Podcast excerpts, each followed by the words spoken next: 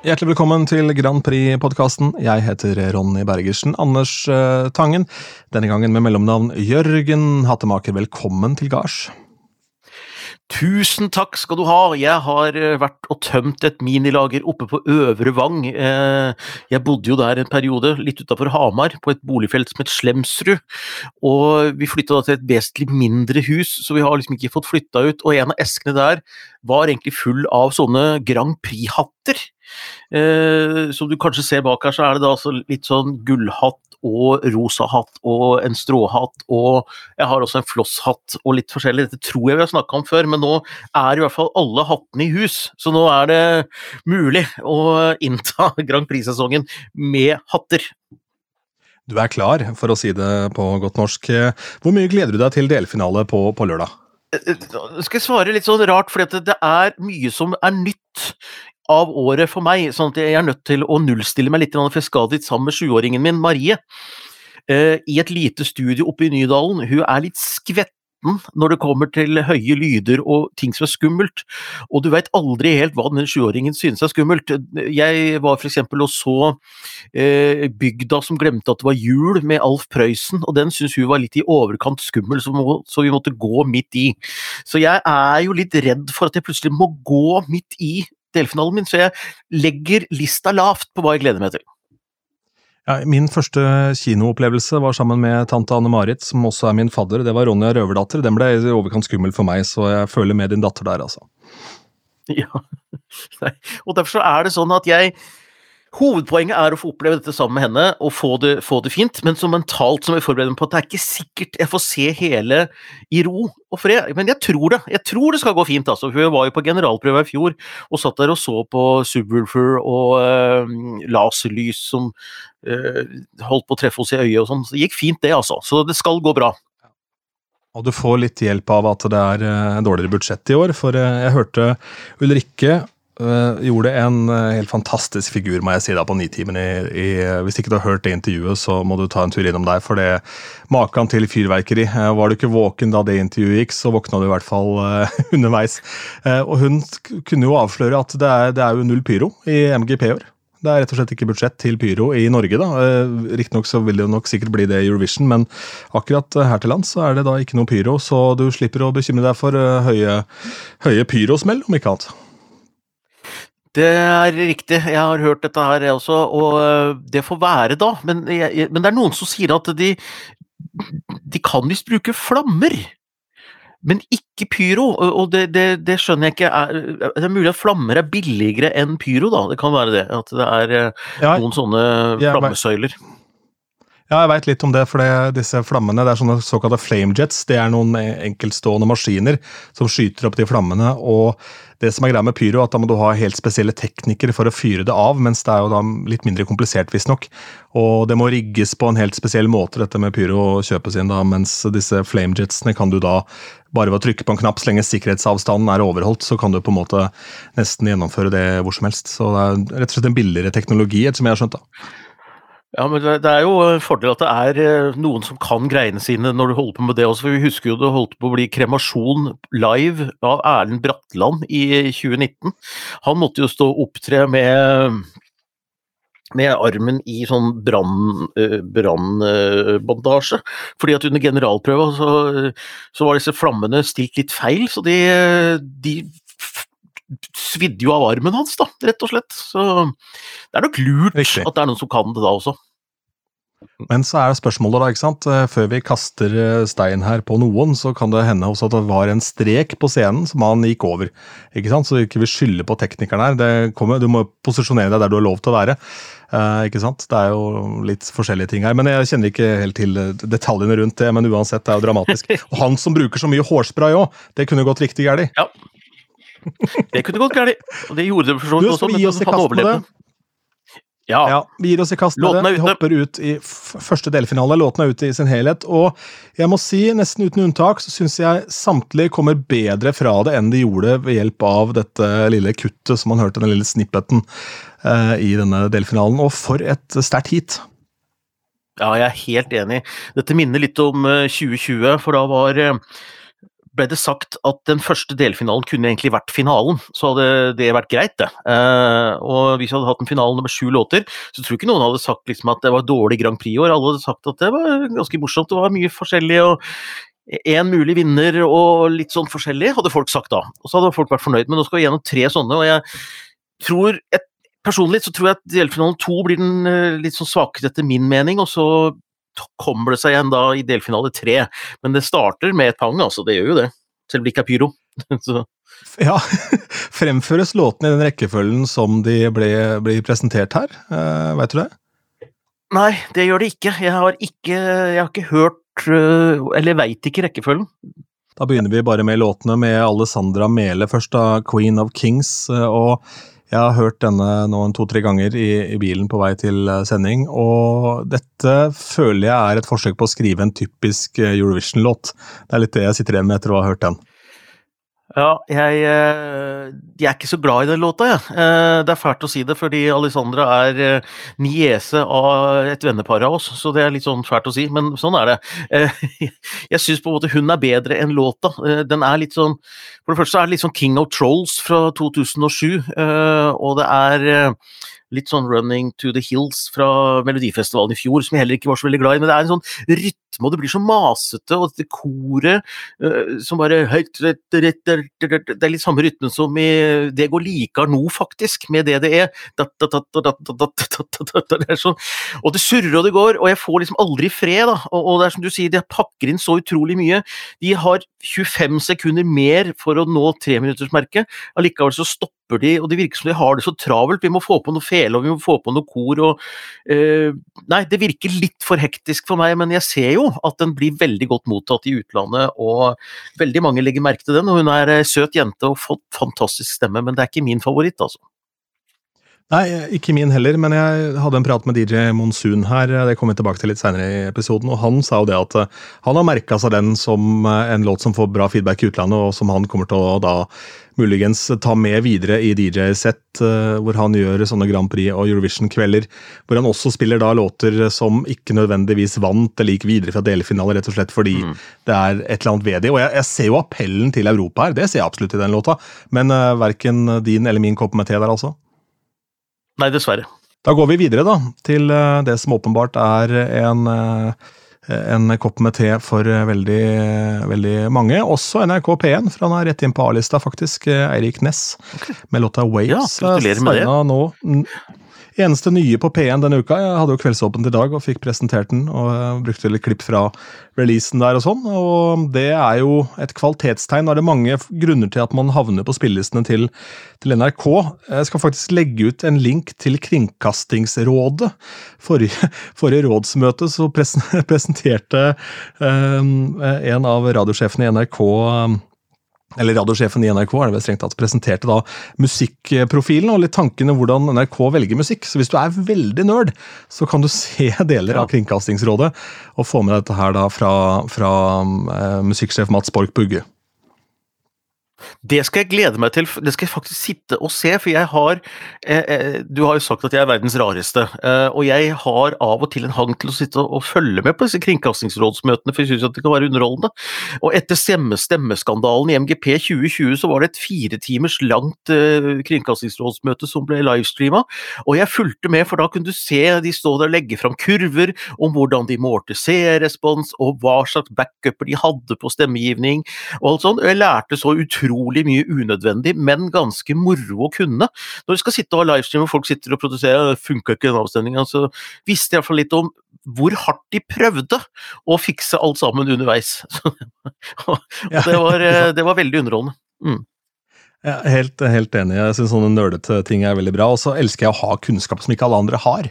Eh, for det er så deilig å kunne dra opp et eller annet rart av hatten. Jeg fikk tilsendt et klipp fra, på Snapchat eller hva pokker det var for noe, TikTok eller hva det var, med et intervju med, med Clark Olofsson, da, som er jo en, en verdenskjent bankraner. Eh, hvor han satt og sa det at eh, nei, han har aldri jobba, for det var mye mer morsomt å være kriminell. og så sto det det er bare Clark i hele verden som kan si denne setningen på TV med ramme alvor. Eh, og så sier jeg du veit hvem det er, sendte jeg da til hun som har sendt meg det klippet. Nei, hun kjente ikke Nei, det er mannen bak gisseldramaet som skapte Stockholm-syndromet, liksom. Og det er ikke det at det er noe Å ja! For han, det var han som da sørget for uh, Norman Torgs-drama i Stockholm, da, som var opphavet til Stockholm-syndrom-uttrykket. da. Og, det er en serie om han på TV. Ja, en serie om han på Netflix, er det ikke det? Som heter Clark. Ja, ja. Veldig, det er en serie om Clark også på Netflix nå.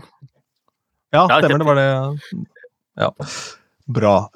Da Ja, Eirik, det er jo også en sånn den har vokst litt på meg, jeg har hørt den noen ganger, men det er ikke, det er langt ifra min favoritt i dette racet her, altså den uh, låta også. Men uh, helt sånn fin poplåt, men jeg kan ikke se helt hvordan han skiller seg nok ut til å stikke av med seieren. Nei, ikke, eh, nei, ikke seier, tenker du seieren i hele MGP Norge? Ja, nødvendigvis. Eller ja, hvor mange, hvor mange går videre fra første delfinale? Ja, nei, ikke sant? det er det, for det, er jo tre som går videre fra delfinalen. og så er det, Men eh, det blir jo kåra en vinner. Du får vite hvem som har fått flest stemmer, men du får ikke vite avstanden ned til nummer to og tre, for det, da røper du for mye, liksom. Men du får en vinner, da. Så nei, jeg, jeg liker Erik Ness sin låt 'Wave', jeg, og så syns at den er den får meg i godt humør, og jeg syns den skiller seg ganske ut i hvert fall dette feltet her. For det er den eneste litt mer sånn country-schwung-låta, selv om det er eh, Avicii-inspirert og sånn. Så hvis det sitter noen mot formodning med countryhjerte utapå og ser på Grand Prix på lørdagskvelden, så har ikke de noe annet å stemme på enn Eirik Næss, da. Så uh, den, den, kan kapre seg en finaleplass, det kan bli en av de tre. Jeg, jeg tipper den som en av de tre som går videre til finalen. Ja, Det er jeg nok enig i, at det er en av de tre som går videre. Men eh, vi, kommer tilbake til hvorfor ikke den vinner etter sulamitten her. Men la oss, la oss ta det etter hvert. Byron og Joust. En, eneste låta jeg føler at eh, ikke vokste på meg fra snippeten. For der eh, har de altså en sånn tease av det man kaller for stabs med noen horns på starten der. Eh, som jeg skulle ønske at de brukte mer eh, som hook i den låta, enn det de gjør med den basslinja som driver og går. Og det henger nok sammen med at og den basslinja som de har, er nok mer moderne og mer i tiden enn å bruke de, men jeg er veldig svak for sånne låter med litt ordentlig gass i, i, eh, i blåserne. Da. For jeg, jeg, liker veldig på en måte det lydbildet. Det tar ting veldig opp. Men jeg syns det blir litt monotont, det refrenget der. Jeg, eh, jeg, har den ganske litt, litt over middels. Eh, hvis du tar en sånn skala fra én til ti, da, så har jeg den liksom oppe en sjuer. For jeg syns synes Byron Williams, som for øvrig er pappaen til Fetisha Williams, jeg bare nevner det som en sånn for de som måtte være interessert i sånt. Jeg vet aldri helt hva hun er kjent for, annet enn at hun er Fetisha Williams. Men, det er altså.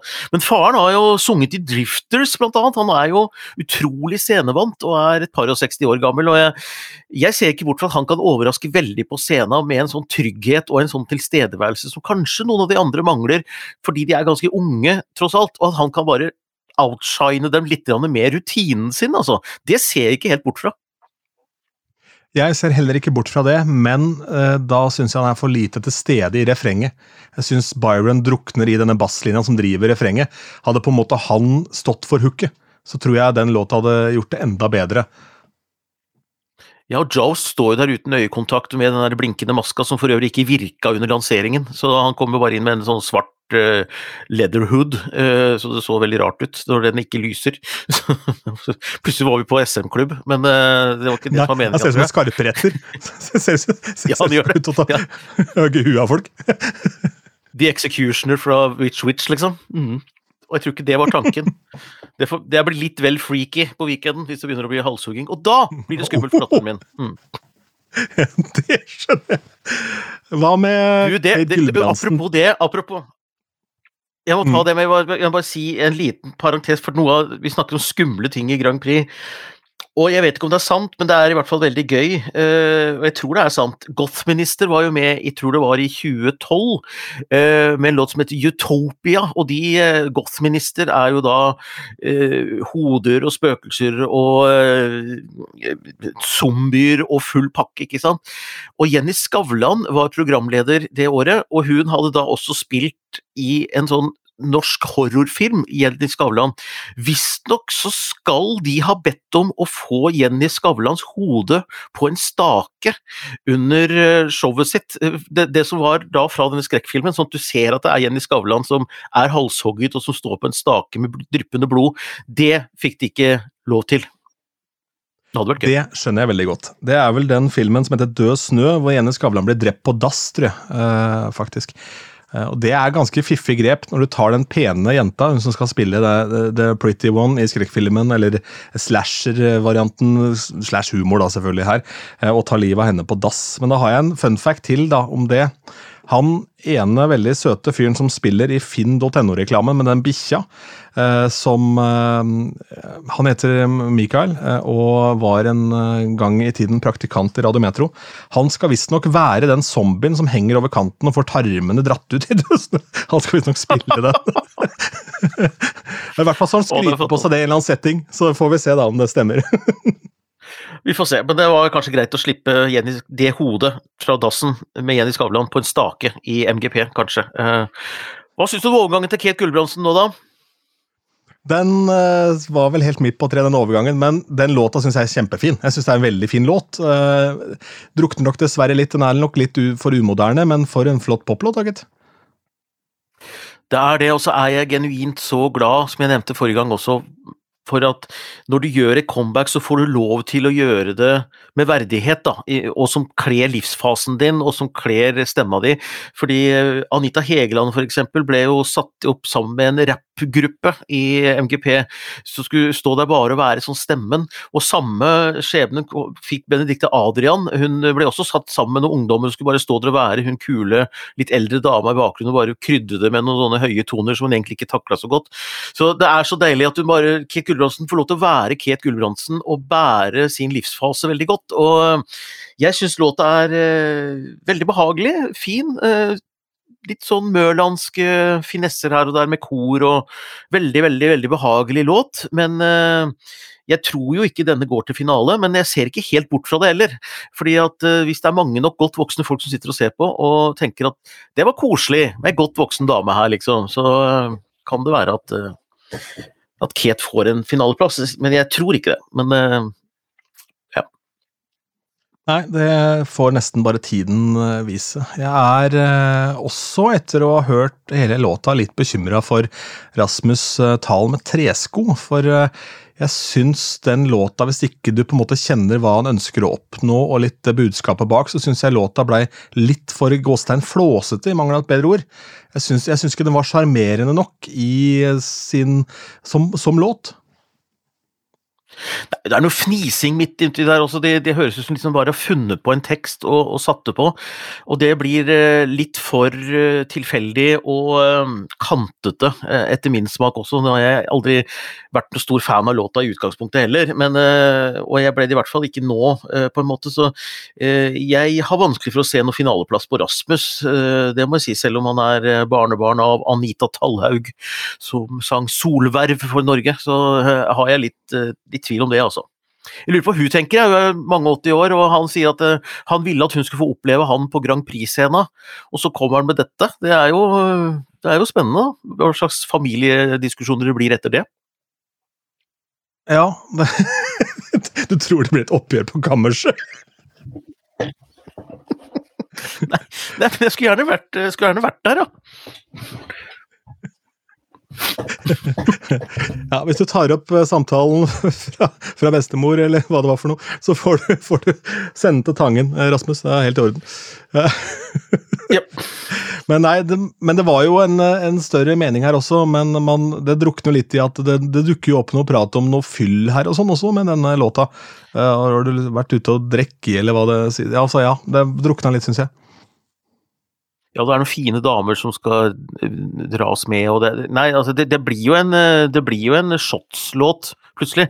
Mer enn det blir den eh, fine broderskapssangen. Men, eh, men, men, for all del. eh, De har jo blitt bedt om å fokusere på denne historia, så det er mulig at de har oversolgt det litt også. At da har forventningen blitt litt feil til låta. At de har fått beskjed fra NRKs presseavdeling om å melke denne storyen kanskje litt mye, mens de egentlig bare har hatt det som et lite utgangspunkt, og så har de lagd en morsom partylåt. Eh, Kan være noe der. Helt klart. Da vil jeg, da før vi går løs på Ulrikke, da, som, eh, som eh, vel er den som har fått mest oppmerksomhet etter releasen her, ikke helt overraskende, eh, vil jeg snakke litt om Umami Tsunami. For de gjorde jo en veldig mye bedre figur i form av en full låt. For dette var jo en kjempebra poplåt. Ja. Drukna jo veldig litt sånn keitete uh, svar på noen spørsmål og litt sånn forskjellig da under pressekonferansen der, men den her satt jo helt fint, den. Var, det var jo ikke det, veldig sånn banebrytende, nytenkende, men allikevel må det være det i Melodi Grand Prix? Nei, det må jo ikke det.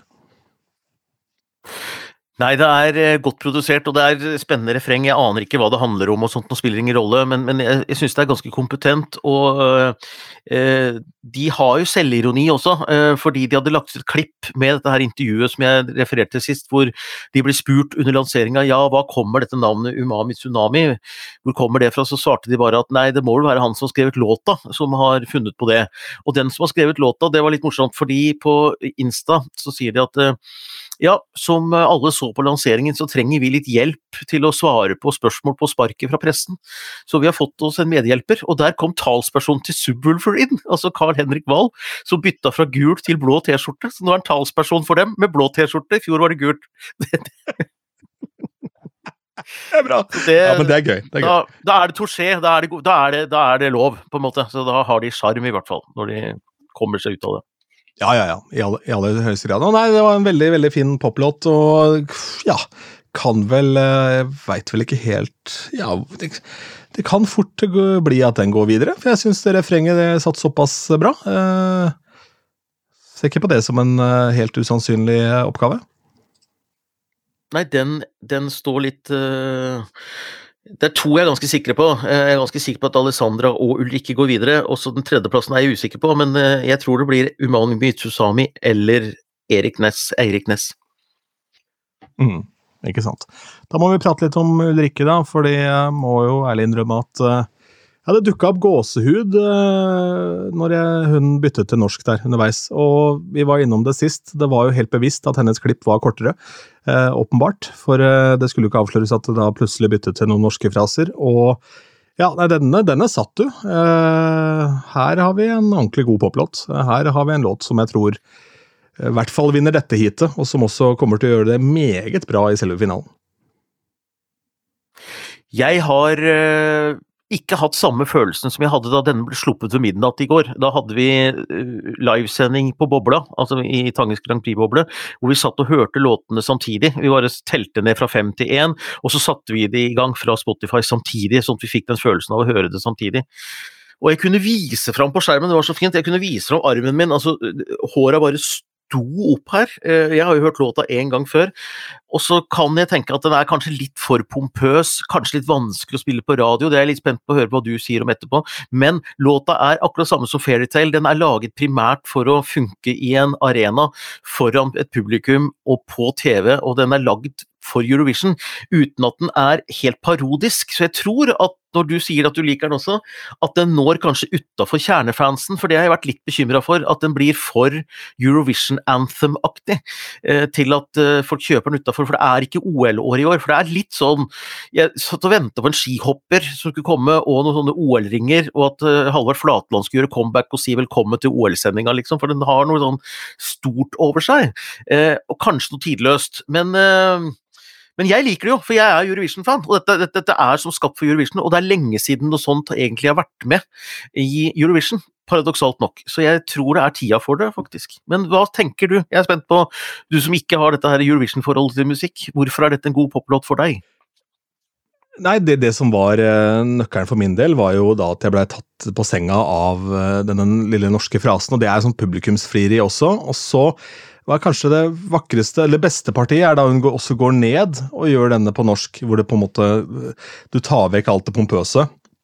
Og så får du hva hun sier, eh, for alltid, for evig. Um, til, evig til evig tid. Til, til, til, evig tid er det, ja. Eh, jeg tenkte på Volbit igjen, og de skal ikke være med i år, for da hadde det blitt, blitt en hard konkurrent. Uh, kanskje for Danmark, det får vi se senere. Men uh, nei, jeg tror dette ja, ja. Dette ispedd en god dose med, med folkelig Sarpsborg-jente full av sjarm og krutt, og som ikke er redd for å svare på ting, når hun klarte å svare på Nitimen at hun hadde pelt en buse veldig tidlig på date med kjæresten sin. Så at, at, hun er ekte, det får vi i hvert fall ikke kommet ifra. Nei, øh, veldig. Og, og, og, og, hun er jo Hun hun gjør jo mye sånn Disney-roller. Hun gjorde den der meksikanske filmen som jeg nå ikke husker navnet på, hvor hun gjorde en veldig sånn sterk rolle. Uh, og Ja, ikke sant. Og hun er litt Disney i stemma, og det som slår meg er at ja, kanskje låta er litt sånn, ikke utdatert, men litt gammeldags, den tilhører kanskje ikke det moderne lydbildet nå, men den gjør det allikevel, fordi disse filmene her fra Disney og sånn er full av denne type låter, sånn at den er litt sånn episk, eh, litt sånn sluttlåta i en film om ja, Frost og alt dette her. Så, og dette gjør jo hun med stor troverdighet og får roller, eh, så, så det kler henne veldig godt. Da. Og det tenker jeg at eh, da er det greit at det er så pompøst, og stemma hennes er er eh, forteller Altså, hun er god til å fortelle en historie da, gjennom sangen sin. Helt enig. helt enig. Jeg har henne som klar favoritt på lørdag, og det samme har du, eller? Ja, ja, ja. Jeg, eh, men, men, men, jeg er nødt til å ta én delfinale av gangen, fordi at eh, folk sier at ja, men er det ikke litt tidlig å si at du vet hvem som kommer til å vinne? Jeg vet ikke det. Jeg sier bare at jeg har vinnerfølelse, denne har vinnerauraen. Men det kan jo komme et par andre låter som vi får samme følelse på, og da har vi konkurranse da mellom tre gode vinnerkandidater, og det er jo, det er jo kjempegøy. Det må ikke bare være én. Det er ikke sikkert det er Ulrikke som er den supre favoritten min om uh, tre uker.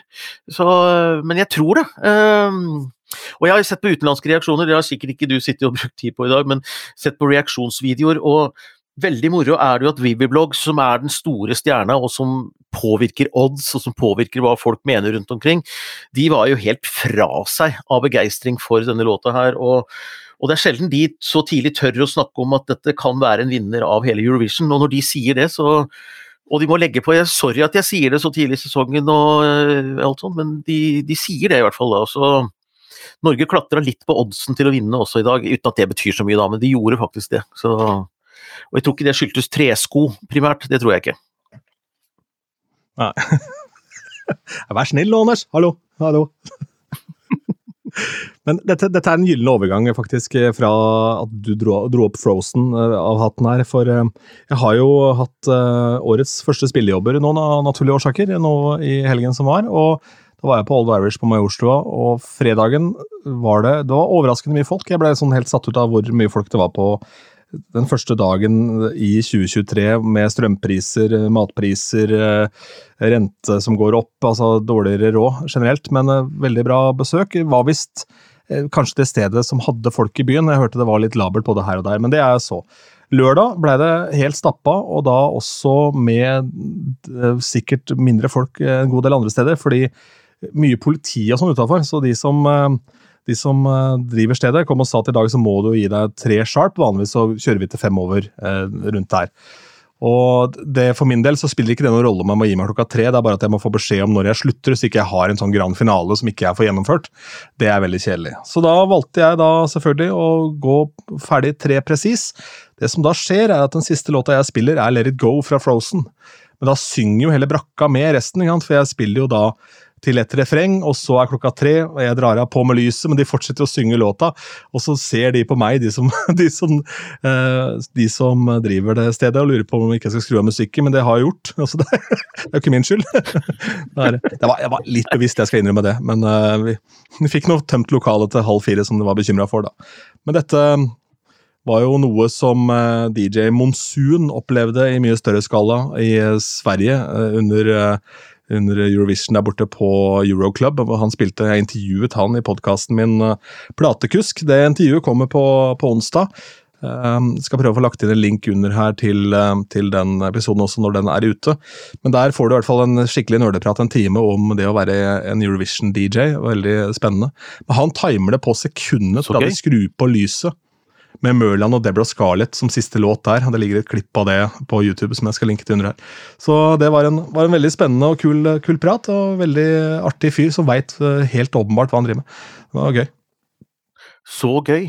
Uh, det Nei, DJ Monsun, det, han jo uh, Han har jo veldig mye hyggelige både små og store eventer. og Det var det vi snakket om, at når vi skal ha live, at vi kanskje kunne slått våre pjalter sammen på en eller annen måte og få til noe på samme sted. Uh, nei, det Uh, nei, Det er gøy med Mørland og, Mørland og Scarlett, ja, for det er jo Kjetil Mørland som har skrevet låta til Kate Gulbrandsen her, som vi nevnte. Og, og han, uh, han, skjønte jo ikke helt hva Eurovision var, for han bodde i England, og England hadde jo bare et ironisk forhold til det, men han hadde hørt at det var en slags musikkonkurranse han kunne sende inn noe greier til i 2015. Så sendte han inn en låt, og så fikk han tak i hun Deborah som hadde vært med i The Voice, og så ja ja, da får jeg vel synge dette her, da. Og siden jeg har jo blitt i denne gjengen der, han elsker nå Eurovision og er liksom en helt i det miljøet der. Så det er, det er uh, det er også en reise, da, for å si det på den måten. Mm. Absolutt. Vi snakker litt om det også, det ignorante kollegaer som ignorerer på en måte Eurovision uh, og, og, Melodi Grand Prix, uh, og så spiller du for herr og fru Norge, da er du idiot. ikke sant? Du må, må forholde deg til det, i hvert fall. Du trenger ikke å like det men du må jo ha Hvis du ender opp Vi snakka om bl.a. det homofile miljøet. da, Hvis du ender opp i et homofilt eh, en fest hvor det er mange homofile da, som, som elsker Eurovision, og så har du null sanger å tilby dem. ikke sant? Og, eller mikser de for hardt, f.eks., og ikke gir de modulasjonen som alle ikke sant? Alle de tingene der. da, så Det er mye ja. ting å ta hensyn til når du spiller Eurovision-musikk. da, så eller så har du jo eh, Jens Stoltenberg skal visstnok komme og ha en gjesteopptreden i Grand Prix-miljøet nå, fordi at han må megle i autotune-krangelen. Uh, fordi nå er det jo ikke Ukraina-krigen, det er ikke noe interessant lenger. Men nå er det, at det er innført autotune i MGP, det er eh, det, det har blitt krig i miljøet. Og jeg, jeg er den eneste uh, som bare er helt rolig på det. Jeg er ikke så glad i autotune uh, som sådan. Jeg elsker at folk synger live og kan å synge og sånn, men, men, det tar ikke nattesøvnen fra meg. Og jeg tenker at sannsynligvis, tror jeg da, så har autotune blitt brukt i MGP før, men vi vet bare ikke om det. Uh, og jeg tror også Melodifestivalen har brukt det som et sånn produksjonsteknisk grep. da. Det er ikke lov i Eurovision, der har det ikke blitt brukt, det vet jeg. Men det er jo andre regler som gjelder i nasjonale finaler. Så jeg tror dette har blitt gjort i lydmiksen her og der, og eh, det er mye vi ikke veit om dette fra før, så jeg har helt avslappa forhold til det. Men jeg syns bare at måtte NRK fortelle oss det? Kunne de ikke bare gjort det? Det er jo ikke et kjeft som hadde lagt merke til det. Det hadde bare Ja. Hva, hva tenker du? Hot or not?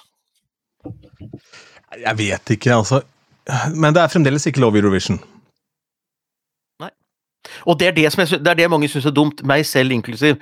Altså, Når Stig Karlsen har gått så høyt på banen ut og sagt at grunnen til at de har jury, er at det skal ligne mest mulig på Eurovision, og så samtidig så innfører de autotune, så er det jo noe som eh, ikke henger helt sammen her, da.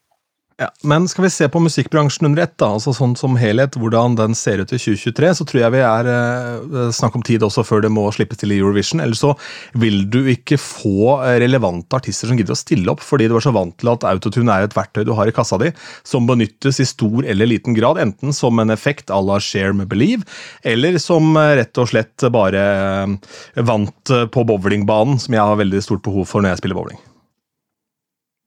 Ja, ja. Ja, jeg vant, ja.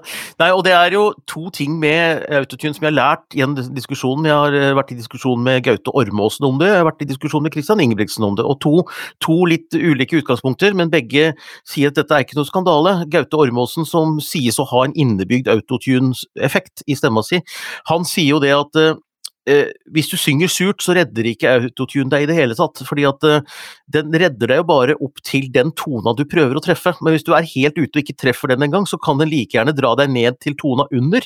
Da begynner det å bli fælt, altså. Eller dra deg opp. Og det var visstnok ifølge Morten Thomassen det som skjedde med Madonna, fordi hun sang live under dette 2019-showet som var helt skandaløst. Hun brukte autotune og traff ikke på noen av tonene, og derfor gjorde autotune det bare enda verre gjennomgående, visstnok. Så der ser du at autotune redder deg ikke i det hele tatt, da, men det gjør det litt mer litt freshere lydbilde, og det ligner litt mer på andre ting. Og jeg skjønner også det Gaute sier, at det er frustrerende å stille opp i MGP og få terningkast tre pga. sursang, når hver gang vi møtes er prosessert herfra til månen, og det samme med The Voice, og de bruker autotune, og du får det til å høres så bra ut i post, da. Altså de, de, gjør det etter at det er blitt sendt, ikke sant. Så kommer MGP, og så hører du hver eneste lille sure tone, og så får du dårlig anmeldelse for det. Og det skjønner jeg godt at produsentene blir litt lei av, og at de da får lyst til å spille med samme spilleregler som andre musikkshow, da. Det skjønner jeg så innmari godt. Men dette må da være tilfellet også for Eurovision. Og eh, dette er jo en låtskriverkonkurranse først og fremst, er det ikke det? Jo, det er det det er, og Christian Ingebrigtsen hadde et poeng, og det var at uh, dette, dette, kan gjøre det også litt mer rettferdig. fordi at uh, ofte så blir du ramma av litt teknisk svikt i monitor, f.eks., som gjør at du er akkurat litt ute av pitch, ikke så mye, men lite grann. Og da skal du liksom straffes. Du kan å synge fantastisk, men du har altså noe dårlig in-air-monitor som gjør at både låta kommer ut dårlig, du driter deg ut som artist, mens autotune kunne ha redda deg gjennom sånn at låta kom helt fint ut og sånt. noe. så, så skal man nekte å bruke det hjelpe Det syns jeg blir litt rart, da. Fordi eh, det kan være med på å gjøre det mer rettferdig også. Så jeg har lært mye om autotune. Autotune-seminar, altså. Rett og slett. Og det er jo problemet her, da, fordi veldig mange har jo null kunnskap om det og tror at dette her er et mirakelverktøy. Um, at det er rein magi. Det er jo en glidende overgang til Sims Nøvla Bim som jeg møtte på. Sa må vi ta etterpå. men, men, det er bra tid, selvfølgelig. Uh, men det er jo da ikke det som er tilfellet. Dette her er jo da rett og slett uh, Det må jo ligge noe i bånn for at du skal kunne synge ålreit med autotune, men med god produsenthjelp og sånn, så kan du få til hva som helst i studio. Men dette skal jo gjøres på en scene én gang, da. Det er jo noe med det, og det er den store forskjellen. Fordi eh, han godeste, hva heter han kameraten din som Sommerkroppen, Mats Hansen, ikke sant? han kan jo ikke synge ja. om det står om penger eh, få hjelp av autotune i den låta, men det er gjort i en studiosetting med profesjonelle folk, noen av de beste på den sjangeren i, ja, i landet, i verden, vil jeg si. Det er veldig få som er bedre enn Petter Katastrofe og Staysman på sånn rølpepop. Altså det, der er vi nummer én. Um, og jeg øh, føler da at øh, det er det man tenker, da. For han vinner Spellemann årets hit, og så er han litt flåsete på at øh, det må være lett å lage popmusikk og alle sånne ting. Men det er jo en i studiosetting. Her skal det jo faktisk gjøres på en scene, da. Og som Ulrikke sa i dette intervjuet da, med, med Nitimen, eh, som jeg også spilte klipp av i Kveldsåpent i dag, jeg syns det var fint, for dersom du glemmer teksten 'Jeg kan lalle, jeg'. sa hun det? ja, helt nydelig. Og da kan du stå der med autotunen din, altså. Ja, ja. Det jo, men det er bedre enn å holde kjeft, i hvert fall. ja, det er jo det. det er, jeg kan lalle, jeg, ja. Ja, det. Uh, ja, nei, det er noe med den låta der som er så utrolig stor, og, og, du bør jo klaffe, da. Og er det en låt du egentlig ikke kan lalle på, så må det være den. Det, det, det, det skal jeg kjøpe billett, billett til, hvis uh, Ulrikke står og laller. Honestly. Ja. Det er, er meget bra. Vi, eh, jo, eh, vi skulle jo også ta et eh, tema fra Tangens Grand Prix-boble, og det gikk da på musikk og, og, målgrupper og unge og sånne ting. Det sparer vi til neste uke, for her var det såpass mye å ta tak i i og med at den autotune-bomba kom akkurat nå, så vi har ikke glemt det. Vi snapper opp den ved neste korsvei. Men vi må også da ta med litt sånn småtteri på, på sluttet her, og det er blant annet noen tanker om ditt matkassemareritt. Det gleder jeg meg til å høre. ja, nei det, er, nei, det er bare det at jeg, vi, vi, vi, har prøvd oss igjen og, på matkasser. Vi har prøvd det før også. Uh, og, og fordi det er billig, for da veit du hva mye penger du har brukt på mat den uka. Altså Det er liksom litt sånn sparetiltak, da, på en måte. Men det er jo nesten ikke mat nedi der. Altså, det er jo du, du, får det du skal bruke, og det er jo hele poenget. Men jeg satt og regna litt på enhetsprisen. For eksempel, det var hvitløk i en rett, og da var det ett fedd hvitløk i den kassa. Eh, og så var det ei lita gulrot, verdens minste agurk, og en liten sånn pakke med ris.